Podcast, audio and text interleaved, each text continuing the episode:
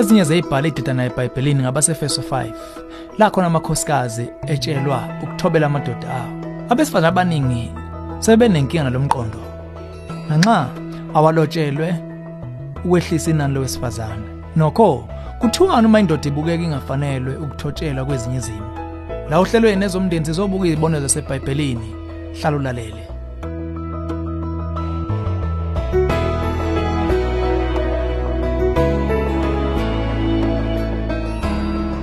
Ngiphinde ngubingelele ezomndeni uhlelo lwakho lokulethela izeluleko eziphathekayo ngaba ka focus on the family.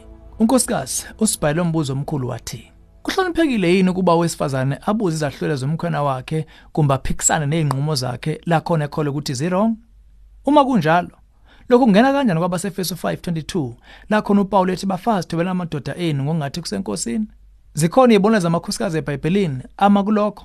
Kufika uAbigail ngokusheshsha engqondweni. Wayegana impupunyela esigwili kodwa eyisiphukuphuku engunabhali. Ngeshwa umnyeni wakhe akazange acoshe ubuhlaka nobuqotho bomkakhe. Ngesikhathi uDavid namadoda ayinaye becashela uSawule ehlane bavikela abagundi bezimvu zikaNabhali bayiphatha kahle. Ngonganaki bayaleza ukucelelwa amanzi nokudla njengenkokhelo ngozwelo abalwenzile. Ngobuhlaza uNabhali wenqaba wathelwa zibonkolo uDavide wayilungela ukuphahlaza kwasani ezwa lokho kodwa uAbigail walonga lolu suku ngokuthi athathe lonke icala kube ngelakhe. Washweleza ngobudlaba bomnyeni wakhe wabe sethumela ukudla kunyinyitheka neziphuzo egamli kaDavide hlezi nangokuqaphelekayo akazange atshele umnyeni wakhe uNabhali ayekwenza. Emva kwezinsuku eziwu10 inkosi yaqhumisa uNabhali wafa noAbigail waba ngumkaDavide. Umbhali ke ushiya abafundi bezakhele bona isiphetho salendaba. Ungayibhekela ku1 Samuel isahluko 25. Esinye isibone esihle ngundlunkulu uEsther kumbe Esteri. Umnyeni wakhe inkosi yasePeres yengezwe wacala ngenzondo ngabantu bakaNkuluNkulu eyayivele ezweni sayo. Kodwa ngencaphephe nobungozi yayitumazeliswa indoda eyisikhulu uHaman eyisebenza ngobuqili uHamani wacenela inkosi ukuba isayine ukumenyezela ukuba wonke amaJuda angaphansi kwezifunda zombuso waseParis bePersia abulawe ngosuku thizeni.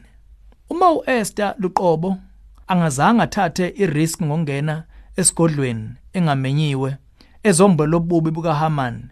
Lomthetho wabe uzoshayeka wenze kube ngosemthethweni. Kwakuzoba incithakala ke leyo. Isibindi sika Esther sikhombisa ukuthi ukuyinikela kwakhe kuNkulunkulu phambili kunakho konke kwakuseqhulwini kuye. Khona manjalo ibhali sivesela isithombe esingenakuphikwa zabesifazane abaningi okwakumele baphikisana amadoda abo ngokutumazela kwawo kodwa abehluleke ukwenza lokho. Ake ucabanga umka Akhani uAkhani wabe ngumIsrayeli esebuthweni lika Joshua ngokuphisa nesimiso sikaNkuluNkulu wathukisa ingcebo ayithathe emasakeni aseJericho wayifihla wayigqiba etendeni lakhe. Umndeni wakhe wonke okubandakanya nomkakhe. Kucace bha babebonile lo mhobholo wakhe nobuqonqela bakhe. Ngeshwa kakho noyedwa owaba nesibindi ukumphikisa kumbe ukumenza aphendule kabanzi accountable.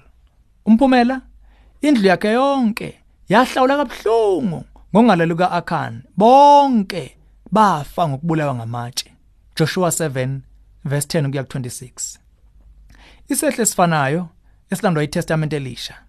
Incwadi yezenzo isitshela ukuthi uAnaniya ilunga lebandla lokuqala eJerusalema wadayisa indawo wabe segcina enye ingxenye kuye yaba inkokhelo lokho ngokwakho wangeke kube inkinga kodwa washaya samuntu onikele konke ebandleni wangasho khona kugodlile. Sitshela ukuthi unkosikazi wakhe uSafira wayazi ayikwenza umkhwena wakhe. Kungani uSafira wakhetha ukuvala umlomo wakhe? Ngakuba wayenomhobholo eliqonqela njengomnyeni wakhe naye. Kumbe wayizama ukuba ngunkosikazi omuhle othobayo ongumKristu ongafuna ukuphisa indoda yakhe noma ibheda? Asazi. Esikwazi ukuthi bobabili uAnaniya noSafira bahlwela ngokujulile ngokuqonda ngqo ukuqambela umoya ongcwele amanga. Bheka izenzo 5 verse 1 kuya ku verse 11 sithini isifundo kulezi indaba singathi owesifazana okhathazeke ngeqiniso ngomshado wakhe umndeni wakhe umphakathi nempilo yakhe nohambo lwakhe nenkosi akavesani nje athobele ngokungacabangi kuzo zonke inquma umnyeni wakhe azenzayo. Ukuma kwakhe kuNkulunkulu kuhlala kuseqhulwini izikhathi zonke amen zonke. Uma kuthi ulithole oluhlelo lusizo usengathokozela imibhalo ekhona online. Yithi jeqe ku safamily.co.za la uzokwazi ukuthola indathane yemibhalo kanjani nezinsiza ezihlaba ngqo engesihloko kumbe ngezihloko eziningi lolu hlelo ezomndeni ulethulelwe yifocus on the family sihlangabezwa ohlelweni oluzayo.